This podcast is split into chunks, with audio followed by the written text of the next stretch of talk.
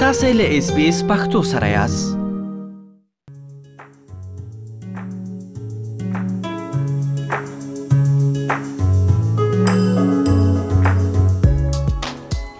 استرالیا کې څنګه رای ورکولای شي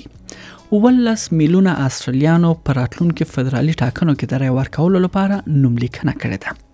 په استرالیا کې موږ یو خپلواک اداره لرو چې د ټاکنو سیستم اداره کوي د استرالیا د ټاکنو کمیسون ډاډ ورکوي چې ټول وړ اتباع فرصت لري چې زموږ د فدرالي ټاکنو په جوړولو کې مرسته وکړي په دې اړه لا ډیر معلومات لرو او رپورت اوریدو ته مو ملتیا وکړئ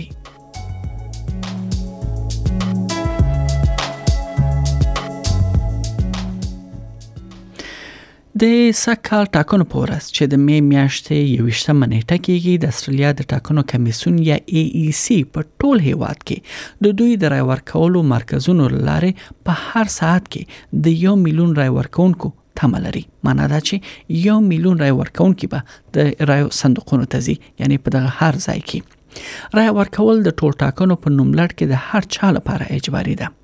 د اي اي سي ویان جیس لیلی وای تاسو باید په خپل سیمو کې رائے ورکړئ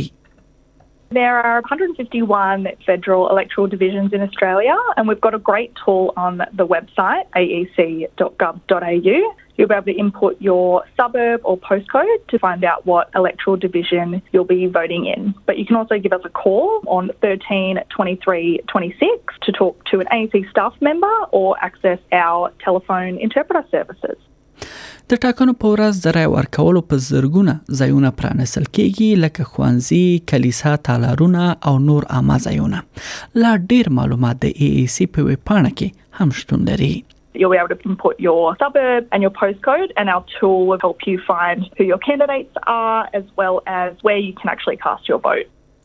د رای ورکولو مرکزونه په نورو ژبو کې لارښوونې او مرسته هم وړاندې کوي یعنی که تاسو په انګلیسي ژبه باندې ښه نه پوهیږئ او بیا هم رای ورکوي نو هر ټاکنو مرکز کې تاسو ته د ژبې خدمات هم درکول کیږي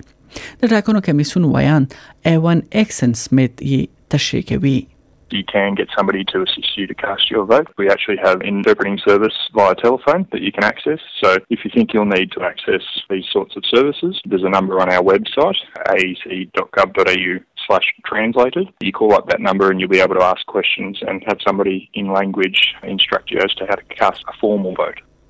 د استرالیا د ټاکنو خپلواک کمیسون ګرځند د رای ورکونې ټیمونه به د اړمنو کسانو لکه د زړو کسانو ساتنې مرکزونو او یا لره پرتو ټولونو ته رسیدنه وکړي تر څو ډاډ ترلاسه کړي چې هیڅوک له رای ورکولو څخه محروم او یا پاتې نشي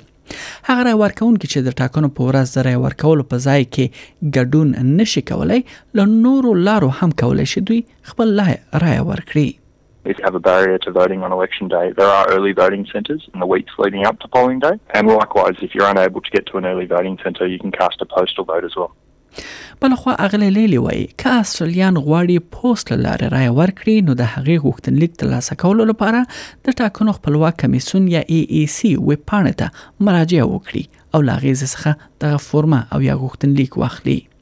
this year it's going to be really open for postal voting given the COVID circumstances. We'll also have that postal vote application for people who don't feel comfortable going to a polling place or live remotely or working remotely and need to access those postal voting services.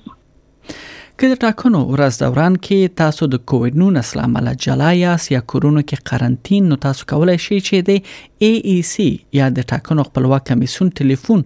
رای ورکولو سیستم ته لاسرسي ومومئ او معلومات ترلاسه کړئ که تاسو پلان لرئ چې د ټاکنو په ورځ له استرالیا څخه بهر سفر وکړئ او یا تاسو بهر اوسئ تاسو کولای شئ پوسټي لاره یا پوسټ لاره رای وکاروئ یا د بین المللي رای ورکولو مرکز څخه نور معلومات ترلاسه کړئ یعنی که تاسو له استرالیا څخه بهر یاست بیا هم اړ یاست چې رای ورکړئ او له ځینو لارو دغه رای ورکولای شئ په بهر کې د خبرتیا فورمې د ټاکنو کمیسیون یا ای ای سی په وپاڼه کې ساسو د انفرادي شرایطو لپاره د مختلفو انتخابونو سره شتون لري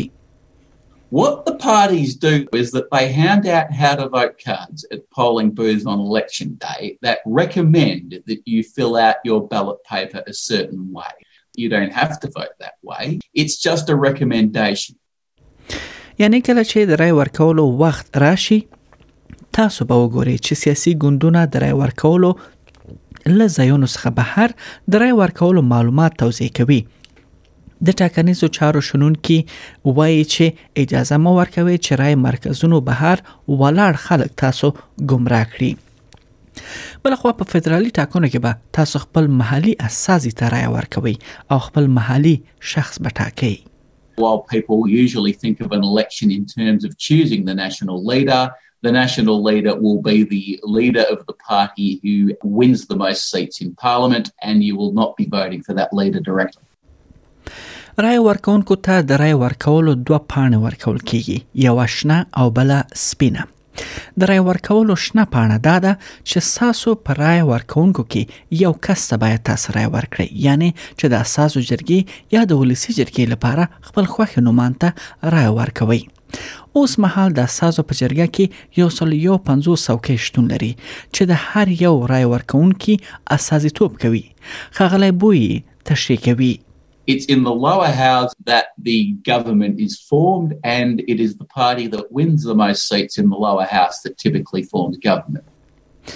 د بریالي ګوند یا ائتلاف مشر چې پارلمان کې ډېرې څوکۍ ترلاسه کړي هغوی لومړی وزیر ټاکي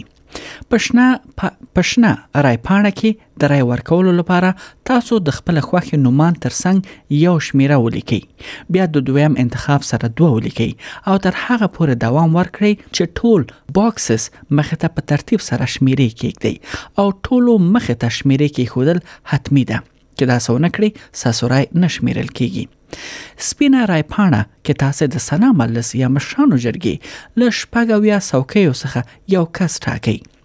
تاسو به د خپل ایالت یا سیمې څخه سناتور انتخابولو لپاره رای ورکړئ رای ورکول یو څه توپیر لري خغلی بوی تشریح کوي خغلی وای موږ د رای ورکولو لوی کاغذونه لرو ځکه چې د ټول ایالت لپاره هر نومان پکې شامل دی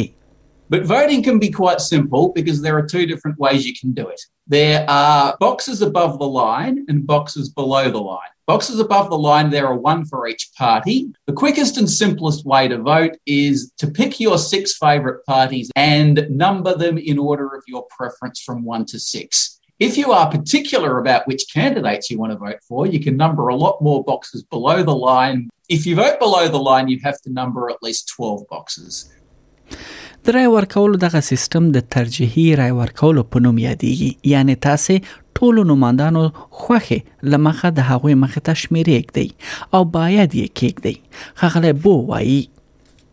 The seat is not simply won by the candidate who gets the most crosses next to their boxes on the ballot papers. You have to get 50% of the vote in order to win the seat. If nobody gets 50% of the vote, then you exclude the last place candidates, you look at those ballot papers again, and then you move those votes on to whoever they put second.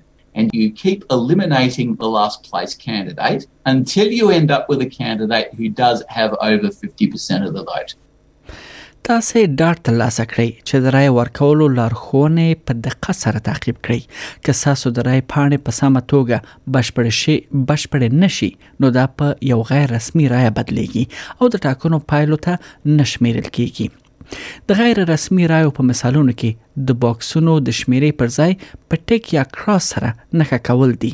یا رای پاڼه په پاڼه کې داسې څه لیکل شامل دي چې تاسو هویت پکې معلوم شي رای ورکول لازمي دي د رای نه ورکولو منل شوی دلیلونه د ټاکنو کمیسون په اختیار کې دي چې تاسو ځانګړي شرایط ارزوي د رای ورکولو کې پاتې راتلل د جریمې پایله لري یعنی تاسو جریمه کیږئ له شلو ډالرو څخه تر یو سلو اویا ډالرو پورې او ځینې حالاتو کې محکمې ته هم وړاندې کیږي د ای ای سی یا د ټاکنو خپلواک کمیسیون ویاند ښاغلی ایکن سمیت دا مسله داسې تشریح کوي if anybody enrolled doesn't turn up to a polling place and cast a vote, they could be issued with what we call a non-voter notice. If you have a valid reason, that's fine. You just let us know. Otherwise, you have to pay the $20 fine. And if we don't get a response from that non-voter notice, it could end up in court with a $170 fee and associated court costs. قدرمن اوریدونکو په استرالیا کې د فدرالي ټاکنو نیټه د می د میاشتې 21مه ده چې ټول استرالیان چې په شرایطو باندې وړ دي او د استرالیا تابعیت لري دوی باید رائے